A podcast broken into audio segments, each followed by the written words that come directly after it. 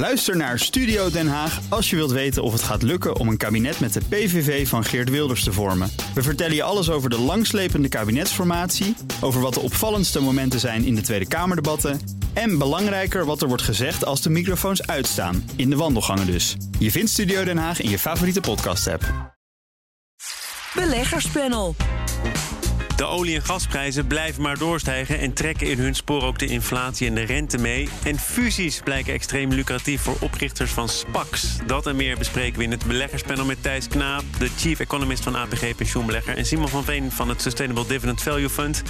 Welkom heren. Goedemiddag. We beginnen mooi in koor, dat sowieso. Ook met jullie laatste transactie. Simon, wat kun je daarover zeggen? Ja, uh, onze laatste transactie is de aankoop van een uh, telecombedrijf, Airtel Africa. Dat is een uh, ja, telecombedrijf actief in 14 Afrikaanse landen. landen waar de groei van het aantal gebruikers van mobiele telefonie nog steeds flink groeit. waar omzet vorig jaar 20% gestegen en winsten 30% gestegen. Um, dus in de, in de alles sinds saaie, meestal telecomsector, is dit gewoon een hele mooie ja, uitschieter eigenlijk. is het dan een heel klein bedrijf? Nou nee, want ze zijn sinds vorige maand opgenomen in de top 100 uh, van grootste Londense bedrijven, de FTSE 100-index.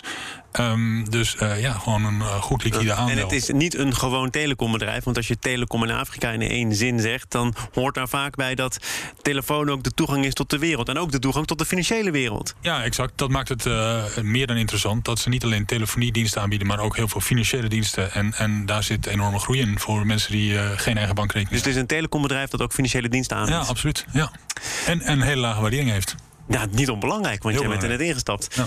Thijs, wat is uh, jullie laatste transactie bij APG? Ja, ik moet het toch weer over CO2 hebben. Uh, fossiele brandstoffen. En dan denk je al gauw aan dampende dieselauto's. De SUV van Koen Bender, die mij op het parkeerterrein nog bijna schepte. Uh, Fijn dat je er bent. Ja, extreem welkom.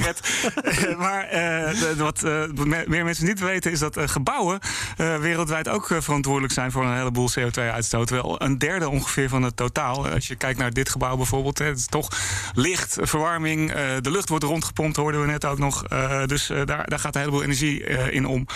En nou, dat komt goed uit, want wij als belegger hebben veel gebouwen in portefeuille. Die proberen we zoveel mogelijk te verduurzamen. Maar we, we willen ook graag iets verdienen met dat verduurzamen. En daar heb ik nou een mooie transactie over. Want onze real estate tak in Azië die heeft zich ingekocht in een fonds. Het Build Environment Technology Fund. En die zijn gespecialiseerd in een term die ik nog niet kende, PropTech. En dat is uh, technologie waarbij je dus uh, properties, hè, dus gebouwen, uh, gaat verduurzamen. En daar, ja, als het goed is, ook wat mee kan verdienen. Dus waar gaat het dan over? Hè? wat voor bedrijven zitten er in portefeuille? Nou, er zit een bedrijfje in wat CO2 bijmengt in cement, waardoor het niet in de lucht komt. de uitstoot met tientallen procenten vermindert. bedrijfjes die energiesystemen maken voor appartementen, waardoor ze dezelfde zonnepanelen kunnen gebruiken. Of daar is hier weer de luchtventilatie aanpassen, zodat je niet alsmaar lucht van buiten hoeft te halen die te koud of te warm kan zijn. Maar de lucht die je al hebt kunt blijven gebruiken. Nou, al dat soort technologieën die gaan groot worden, denken wij, in de wereld. Hè, om die CO2-besparing te realiseren. En met dit fonds hopen we daar uh, wat aan te verdienen. Nou, voor iemand die pas net kennis heeft gemaakt met de term proptech, komt het er toch vrij overtuigend uit, Thijs. Ja, zeker weten. Ja, dat gaan we meer horen. We, we gaan van uh, allemaal uh, duurzame maatregelen toch naar misschien wel de oude wereld. Want de olie- en de gasprijzen blijven maar stijgen. De afgelopen tijd zijn de gasprijzen bijvoorbeeld met 10% gestegen sinds de Russische inval in Oekraïne werd gevreesd door Amerika. Maar we moeten wel bij de feiten blijven. Simon, de laatste berichten zijn dat Rusland troepen terugtrekt. En ook dat zie je meteen weer terug in de prijzen voor olie en gas. Die weer een uh, olieprijzen weer een procent of drie gedaald zijn vandaag. Ja. ja. Kun je daar dan op dit moment nog iets zinnigs over zeggen? Staat het ook nog voor iets groters? Nou ja, ik, ik denk zelf dat uh, uh, Poetin er alle belang bij heeft om de olie- en de gasprijs zo hoog mogelijk te krijgen. zonder dat hij daar echt daadwerkelijk oorlog voor hoeft te voeren. En uh, die kant lijkt er nu op te gaan natuurlijk. ja, hij verdient veel meer dan, dan hiervoor aan zijn aan verkoop van olie en aan de verkoop van gas. Wat uiteindelijk per saldo de grootste inkomstenbron voor Rusland is. Um, en hij heeft niet de nadelige gevolgen van een oorlog of van de daaropvolgende sancties door, door, door Amerika en Europa. Dus uh, ideale scenario voor. Uh, het ideale scenario voor Poetin. Maar laten we even wat breder kijken naar vraag en aanbod. Want als er een tekort was, dan was het altijd toch vrij simpel. Dan kon de OPEC aan de kraan draaien. Die ging dan iets meer open. En het probleem was min of meer opgelost. Of er werd met een schuin oog gekeken naar Amerika, naar schaliegas. Is het nog altijd zo eenvoudig, eenvoudig Thijs? Nee, helemaal niet. En dat is, zien we dus ook terug in die, in die olieprijs. Want dat is denk ik het grotere plaatje. Dus uh, in 2021 werd olie meer dan 60% duurder. Dit jaar gewoon nog weer 20% erbij. Nou, inmiddels 17 begrijp ik, uh, dankzij uh, de Russen. Maar toch, dat is heel veel meer. En dat komt inderdaad ja, door die aloude economenwaarheid... dat vraag groter is dan aanbod. En dat aanbod, ja, dat zeg je zelf al heel goed. De, de oliekraan van de OPEC die kan nog wat verder open, maar dat doen ze niet. De Amerikanen die voorheen uh, meteen erin sprongen... als de olieprijs boven de 50 dollar ging, die doen het ook niet. Want die schaliegassector die heeft nog een soort kater van, van de vorige uitbreiding. Ja, en daardoor zitten we dus met hele hoge olieprijzen. En ik denk dat dat inderdaad het begin is van een soort domino keten, waarbij de hoge olieprijzen zorgen voor inflatie. Nou ja, hè, daarvan dachten we dat is tijdelijk. Maar ja, als de olieprijs maar door blijft stijgen, dan blijft het maar weer terugkomen in de inflatie. Dan zie je dat de centrale banken wakker worden, dan gaat de rente omhoog. En ik denk dat we op die manier toch inderdaad de hele financiële uh, de, de sector, de markten, zeg maar overal, uh, daar de, de, de, de. Maar moet en kan er dan toch ook worden geïnvesteerd in, in nieuwe faciliteiten, productielocaties om toch aanbod en vraag weer met elkaar in evenwicht te brengen. Ik vraag het natuurlijk aan, aan Thijs Knaap van APG. Uh, ABP heeft gezegd wij beleggen niet meer in fossiel. Ja. Um, heeft dat er ook nog mee te maken dat het voor bedrijven uh, steeds minder aantrekkelijk wordt om daar groots op in te zetten en dat grote beleggers zeggen dit is niet meer ons feestje? Ja, dus het, is het eerste gedeelte van de vraag, daar is het antwoord sowieso ja op. Hè. Dus er wordt minder geïnvesteerd in infrastructuur voor olie. Er worden minder booreilanden neergezet, uh, minder pijpleidingen gemaakt. Puur omdat uh, dat minder aantrekkelijk is. En dan deel 2 van de vraag, is dat onze schuld? Ja, ik denk een beetje. Hè. Dus inderdaad, de Nederlandse pensioenfondsen, waaronder ABP, uh, het stoten de fossiele de assets af. Ja, die moeten zich elders financieren. Dat zal altijd een beetje duurder zijn. Dus daarvan wordt het minder aantrekkelijk. Maar ik denk wat ook een grote rol speelt, is die olieprijs waar we het net over hadden, uh, die gaat omhoog, die gaat omlaag en weer omhoog. En dus met, met vele tientallen procenten tegelijk. En als jij een, ja, iets bouwt waarvan je weet dat het tientallen jaren mee moet, uh, waar, waar, je iets mee gaat produceren, wat in prijs enorm fluctueert, ja, dan is dat ook minder aantrekkelijk. Dus die, dat gedoe met die olieprijs helpt ook niet mee uh, bij, ja, bij beslissingen over olieinfrastructuur. En daar komt natuurlijk nog bij dat, er, dat je ook wel weet dat er wat beleid boven hangt. Dus.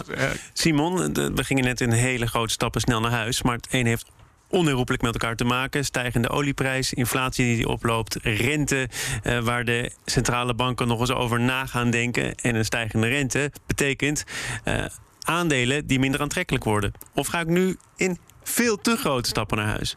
Nou, uh, stijgende rente zorgt ervoor dat met name aandelen minder aantrekkelijk worden, waar de winsten en de cashflows ver in de toekomst liggen. Uh, ja, het meest bekende voorbeeld zijn natuurlijk de tech-aandelen, waar uh, die op hoge huidige uh, multiples noteren, uh, waar ja, mensen in zitten omdat ze denken in de toekomst zal de winst snel gaan stijgen. Nou, die toekomstige winsten moet je dan, als de rente gestegen is, tegen een hoger rentepercentage disconteren. Dat betekent dat ze nu minder waard zijn. En daarom zien we met name die technologieaandelen zo snel dalen op het moment dat er een rentestijging nou, Er zijn natuurlijk ook hele grote techbedrijven geweest de afgelopen weken die geweldige cijfers konden presenteren. Dus het raakt niet ieder groot techbedrijf. Nou ja, dat, dat, dat klopt. Uh, maar je ziet bijvoorbeeld dat een uh, Adyen uh, voorafgaand aan de cijfers... mede door het renteverhaal 25% gedaald was. In en daarna kwam er toch in één cijfers, ook weer 10% bij, geloof ik. Goede cijfers kwamen er dan weer een beetje van terug. Um, maar ja, de volatiliteit is hoog in de, in de aandelenmarkt op dit moment. Ja. Wat, wat zouden centrale banken moeten doen? Want ik sprak er gisteren over met Casper de Vries. Hij is hoogleraar monetaire economie. Die zei, ja, centrale banken kunnen de inflatie niet beteugelen... door een renteverhoging, want centrale banken staan machteloos. Als het stokt aan de aanbodkant van de economie is het helemaal geen monetaire kwestie wat te doen met de inflatie en dan maar de rente verhogen. Het werkt niet. Nou, uiteindelijk werkt het natuurlijk wel. Als de rente genoeg verhoogd wordt, dan, dan, dan zal het uh, absoluut zijn invloed hebben. Ja, genoeg verhoogd. Het gaat nu om een kwartje erbij. Ja, dus, dat, nog een keer. ja, dus, dus dat schiet niet op. Uh, hè, toen we uh, in het verleden economische groei hadden... Uh, met ja, de percentages waar we nu mee te maken hebben... dan was de rente procentpunten hoger. En voordat de centrale banken die groei enigszins kunnen afremmen om daardoor de inflatie terug te dringen, uh, zal de rente inderdaad ook procentpunten hoger moeten zijn. Dus ja, vier keer een kwartje erbij, dan ben je er nog niet. Thijs, ben je er dan nog niet? Ik weet niet of ik hier uh, in een positie ben om centrale banken te adviseren. Maar wat ik wel uh, wil signaleren is dat het, het, landschap voor beleggers is echt aan het veranderen. Dus we, hebben, uh, we gaan nu in een situatie waarin je echt te maken krijgt met schaarste. De grondstoffen zijn schaars. We hadden het al over olie. Arbeid is schaars. het is, je kan overal de bordjes zien van kan er nog iemand komen werken.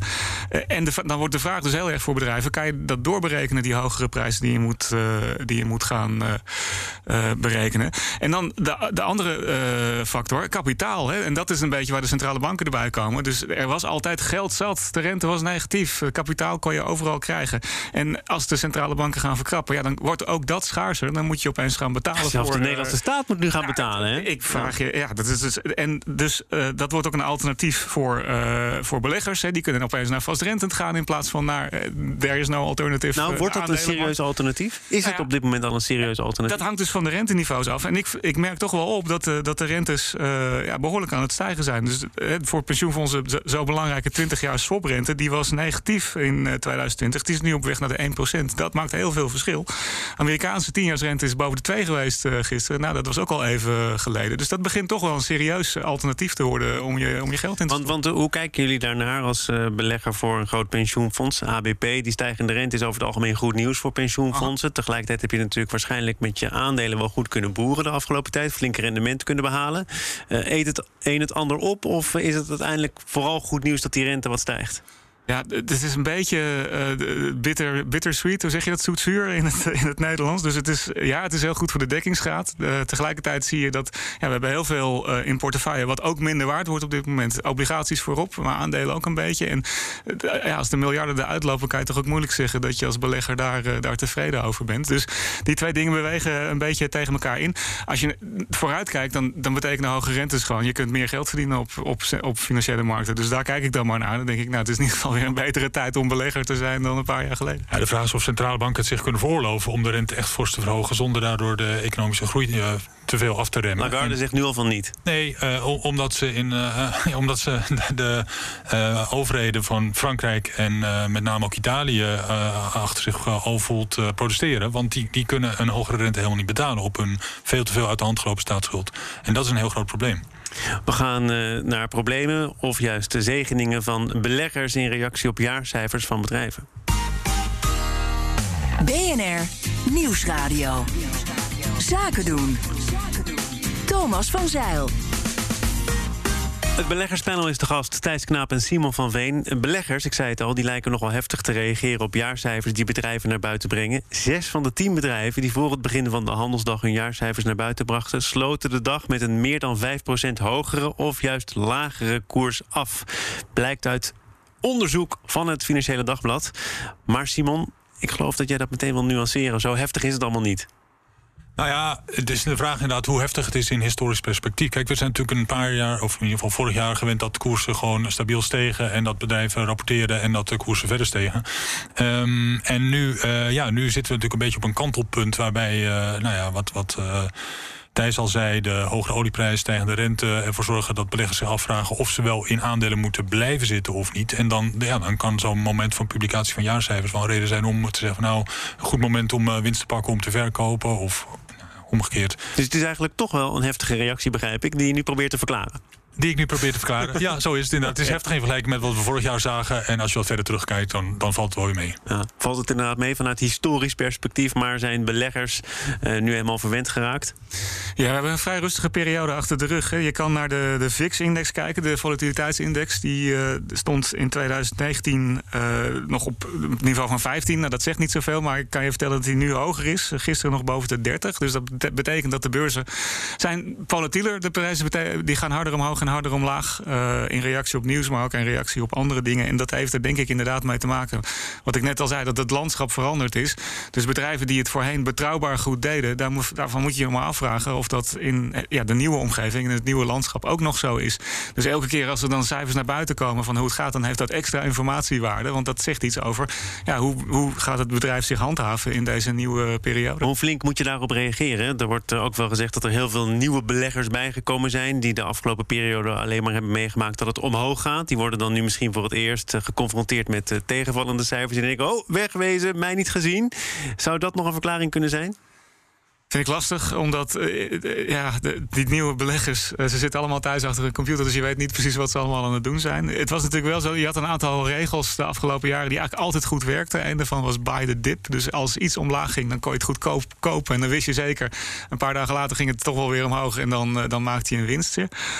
ik denk wel dat degene die dat soort regels gevolgd hebben, en dat zijn echt niet alleen particuliere beleggers geweest, dat die wel tot de ontdekking komen dat, dat ook dat niet meer helemaal geldt. En dat je toch ook wel ja, verlies kan maken op een aandeel wat maar door blijft dalen. En uh, ja, die zullen dat ook uh, opnieuw moeten, moeten leren. Hoe, hoe kijk jij naar de eventuele reactie van die nieuwere groep beleggers? Zou dat een verklaring kunnen zijn? Nou, voor sommige specifieke aandelen misschien wel. Met name bepaalde kleinere Amerikaanse aandelen hebben we dat, hebben we dat gezien. Uh, maar over ja, het grote geheel van de beurs denk ik toch dat meer dan 90% van de transacties door grote institutionele beleggers gedaan worden. En, en ja, met name bij grote bedrijven zullen die kleine nieuwe beleggers niet al te veel invloed hebben. Hoeveel waarde zou je als topbestuurder van een bedrijf moeten hechten aan een koers die naar beneden gaat of naar boven gaat? Ik sprak met de topman van Egon vorige week, hadden ook cijfers gepresenteerd. Nou, dat werd niet heel erg lovend ontvangen. En zeiden, ja goed, daar ben ik helemaal niet mee bezig. joh. Ik ben een bedrijf aan het leiden, laat de beurs toch de beurs. En later sprak ik met Matthijs Storm, de topman van Wereldhaven, flink in de plus, net na de publicatie van de jaarcijfers. Die zei dit. Nou, als ik naar de beurskoers kijk, ik, zag net een procentje of negen omhoog, dan uh, daar krijg ik daar wel een goed gevoel van. Nou, het interessante is dat ik hem de eerdere keren dat ik hem sprak, niet naar de beurskoers hoefde te vragen. Want uh, die, die, liet een historisch dieptepunt zien en toen was het allemaal niet zo relevant, Thijs. Ja, mooi hè. Dus uh, ja, er is hier een soort van selectiviteit die ik wel herken bij, bij bestuurders. Kijk, hoe interessant is het? Uiteindelijk is de beurskoers een indicatie van de waarde van je bedrijf. En als je het goed doet, neemt die waarde toe. Dus dan ja, is het toch wel een informatief getal, denk ik. Tegelijkertijd, ik ben, ik voel wel een beetje met ze mee, want er is natuurlijk ook het algemene beursklimaat. We hebben vorig jaar de aandelenprijzen met 30% omhoog gezien gaan. Ik geloof niet dat alle bestuurders het ook 30% beter hebben gedaan. Dus daar zit ook een soort van macrofactor in, hè, de, waar ze zelf niet zoveel aan kunnen doen. Uh, dus je, je moet niet alle credits naar je toe rekenen. En dat, je kan dus ook niet alle dalingen onmiddellijk jezelf aantrekken. Dat snap ik wel. Maar het blijft een heel informatief getal hoor, voor, uh, voor bestuurders. We gaan naar het laatste onderwerp: fusies en overnames. Twee kleine aandeelhouders van NIBC verzetten zich tegen een overname van de zakenbank door de durfinvesteerder Blackstone. En Blackstone heeft die overname gedaan na een bod van 7 euro per aandeel. Terwijl er net voor de uitbraak van de coronapandemie nog bijna een tientje was geboden. En toen kwam corona, zwarte zwaan, er is opnieuw onderhandeld. Uh, en deze kleine aandeelhouders die uh, dapper verzet uh, bieden, die zichzelf ook profileren als de Asterix en Obelix, die uh, vechtend, strijdend en ondergaan, zeggen ja, maar dat kan eigenlijk helemaal niet de bedoeling zijn. Jullie grote aandeelhouders wilden goedkoop verkopen. Je wilde er sowieso vanaf. Je kunt niet alles afschuiven op, op corona. Simon, hoe schets jij deze situatie? Nou ja, kijk, voor Blackstone kwam corona op een heel gunstig moment. Want zij hebben daar gebruik van gemaakt om, wat is het, een uh, 30, kleine 30% van, van die koers af te krijgen die ze zouden betalen voor, voor NIBC. Dus uh, dat is heel handig. Um, is het handig gespeeld of, eh, of klopt het verhaal van Blackstone? Corona heeft uh, de kaarten opnieuw geschud. Nou ja, de bank is hier eigenlijk niet goed op voorbereid, dus wij gaan minder betalen. Op dat moment natuurlijk wel. Iedereen was even in paniek en op dat moment klopt het wel. Maar als je nu twee jaar later ernaar kijkt, dan eh, zijn ze ongetwijfeld uh, flink hersteld ervan. En, en dat geldt voor alle bedrijven en banken. Dus, dus dat zal ook voor NRBC zijn. Um, en is die prijs die oorspronkelijk geboden was misschien wel veel terechter. Maar het probleem is dat de andere aandeelhouders die, die uh, 7 euro wel geaccepteerd hebben. En op het moment dat 99% accepteert ja, dan is het heel moeilijk om voor een rechter uh, hard te kunnen maken dat je, dat je tekort gedaan bent. Uh, terwijl, terwijl vrijwel iedereen het accepteert. Dus. Het is moeilijk, maar is het wel op zijn plek om daarvoor te strijden? Of moet je je verlies nemen? Misschien is het wel verstandig om je verlies te nemen. Wat, wat hou je over? Stel dat je gelijk krijgt. Dan ben je de minderheidsaandeelhouder uh, in een bedrijf waar heel weinig informatie over naar buiten zal komen. En waar je uh, heel moeilijk uh, ooit nog vanaf kan komen. Wat is verstandig? Als ik, vraag dan maar aan Thijs. Ja, altijd verstandig. dus als ik de situatie moet schetsen, dan zie ik hier toch ook wel het, het, het, grote verschil tussen private en publieke markten. Dus wat is nou het mooie van een beurs? Als je vindt dat, uh, dat het aandeel veel te duur is, dan verkoop je het. Als je het te, te goedkoop vindt, dan koop je het bij. En uh, ja, op die manier kan je, kan je aan dit soort overtuigingen een uiting geven. Ja, en nu hebben we een bedrijf wat van de beurs gehaald wordt. Waarbij je dus ineens te maken hebt met één enkele tegenpartij die al dan niet jou, jouw wensen moet, moet honoreren. Dan zit je meteen weer bij bij de rechter en dat is een hoop gedoe. En eh, dit vind ik wel een interessant uh, vraagstuk. Dus er zijn bedrijven die naar de beurs toe gaan, op wat voor manier dan ook. Er zijn bedrijven die, die er weer afgehaald worden. En al die bedrijven die moeten die afweging maken van ja, zijn we nou beter af op die publieke markt, waar je inderdaad informatie kan krijgen over wat je waard bent en waar, wat misschien ook wel disciplinerend werkt. Of zitten we liever bij de private investeerders, waar je ja, wat, wat meer onder, onderhands over de tafel dingen kan regelen en verder niet zoveel gedoe hebt. En daar zie je een heleboel voorbeelden, voorbeelden van. Waarbij je bij IBC dus ziet dat ze inderdaad liever van de beurs afgingen. Ja, zij wel, maar die aandeelhouders ja, die niet achterlaten die, eh, die inderdaad niet, uh, ja, niet tevreden zijn. En uh, ja, ik heb er niet echt een orde. Ik ken het bedrijf niet goed genoeg om te zeggen van was het nou een eerlijke prijs. Uh, maar ja, wat Simon ook zegt, als je naar de markt kijkt, dan lijkt het dat wel te zijn. En het is altijd een beetje lastig om dan bij de rechter te gaan zitten en te zeggen van het was niet goed. Wat is eerlijk en wat is niet eerlijk? Laten we het hebben over SPACs. het FD is wat dieper gedoken in een bepaalde SPAC... die uiteindelijk de beursgang van Azerion, gamebedrijf, heeft mogelijk gemaakt. Met als belangrijkste conclusie... het is aanzienlijk lucratiever voor de oprichters... de initiatiefnemers van die SPACs... Eh, dan voor de beleggers uiteindelijk. De initiatiefnemers van SPACs kunnen met een bescheiden investering... van een paar ton zomaar tientallen miljoenen euro's rijker worden. Um, wat vind jij van die praktijk, Simon?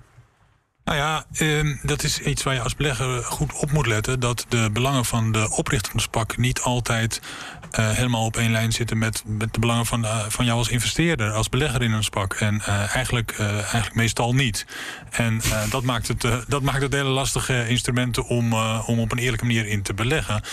Ja, want die SPAC, ik merk dat ik dat helemaal oversla, terwijl dat niet op zijn plek is. In de beleggerspanel wel, maar er zullen ook mensen luisteren die dit fenomeen nog niet kennen. Dat is een lege beurshuls die nog gevuld moet worden. Dus je bent eigenlijk op zoek naar een bedrijf dat je kunt overnemen en op die manier naar de beurs kunt. Ja, en aan dan de beleggers in, de, in die spak wordt beloofd dat er gezocht wordt naar, naar een mooi interessant bedrijf. En als dat niet binnen een bepaalde periode van bijvoorbeeld twee jaar lukt, nou, dan krijg je je geld terug. En soms zelfs met een beetje positieve rente. Zo van, het is toch veel beter dan je geld die tijd op een spaarrekening zetten. Uh, dat klinkt wel heel mooi.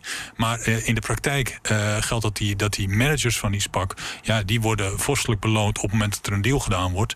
Uh, en die maken kosten uh, op het moment dat er geen deal gedaan wordt. Dus die zullen altijd binnen die periode proberen een deal te doen. Ook al is dat misschien voor de beleggers niet per se een hele interessante deal. Um, kortom, hun belangen zijn niet gelijk aan die van. Ja, lopen die belangen te veel uiteen, Thijs, om te kunnen zeggen dat zo'n spak voor iedereen voordelig kan zijn? Ja, de, de SPAC die verleent een dienst. Want uh, het bedrijf wat naar de beurs gaat, in dit geval een gamebedrijf, hoeft niet uh, die hele song and dance te doen van, die, die je normaal moet doen met uh, een beursgang organiseren. Je gaat vrij geruisloos, sta je in één keer genoteerd. En dat, ja, dat, dat dat voor bedrijven aantrekkelijk is, dat geloof ik wel. Dat zeggen de initiatiefnemers ook. Hè? We Transfer, Coolblue, ze wilden allemaal niet. En wij hebben er toch maar mooi voor gezorgd Precies. dat een bedrijf als Zerion gewoon genoteerd is. inderdaad. En nou ja, goed gelukt. Dus dan is de vraag, wat is die dienst waard? Nou, ik, ik heb ook de percentages gezien van de rendementen die door de de, door de oprichters behaald zijn. Jij gaat de spak oprichten, begrijp die ik. Die zijn behoorlijk hoog. Ja, als ik nog een keer een hobby zoek, dan ga ik dat ook doen. Dus dat, uh, en dan, ik moet altijd een beetje oppassen. Want natuurlijk, hè, als je er tien opricht en er mislukken er negen... dan heb je die tiende waar het heel goed gaat ook wel nodig... om je gemiddelde een beetje op peil te houden. Dus ik kan er niet meteen een oordeel over vullen. Maar het zag er lucratief uit. Um, en, ja, en hier zie je dus het omgekeerde van wat ik net beschreef. Er gaat een bedrijf van de, van de, van de publieke markt af. Hier komt een bedrijf de publieke markt op... die het kennelijk toch interessant genoeg vindt... om, uh, om op die manier kapitaal uh, op te halen. Maar dan wel onder de ja, veel makkelijker uh, voorwaarden die zo'n SPAC stelt, uh, vergeleken met een eigen listing. Dank voor jullie bijdrage aan dit uh, beleggerspanel. Thijs Knaap van APG, de Chief Economist... en Simon van Veen van het Sustainable Dividend Value Fund. Tot een volgende keer. Zometeen dan blikken we vooruit op de aankomende gemeenteraadsverkiezingen van 16 maart... met Imane Nadif van GroenLinks Amsterdam. Bij BNR ben je altijd als eerste op de hoogte van het laatste nieuws. Luister dagelijks live via internet. Bas van Werven. En heel langzaam komt de zon op rond dit tijdstip. Je krijgt inzicht in de dag die komt op BNR, het Binnenhof in Nederland en de rest van de wereld. De Ochtendspits. Voor de beste start van je werkdag. Blijf scherp en mis niets.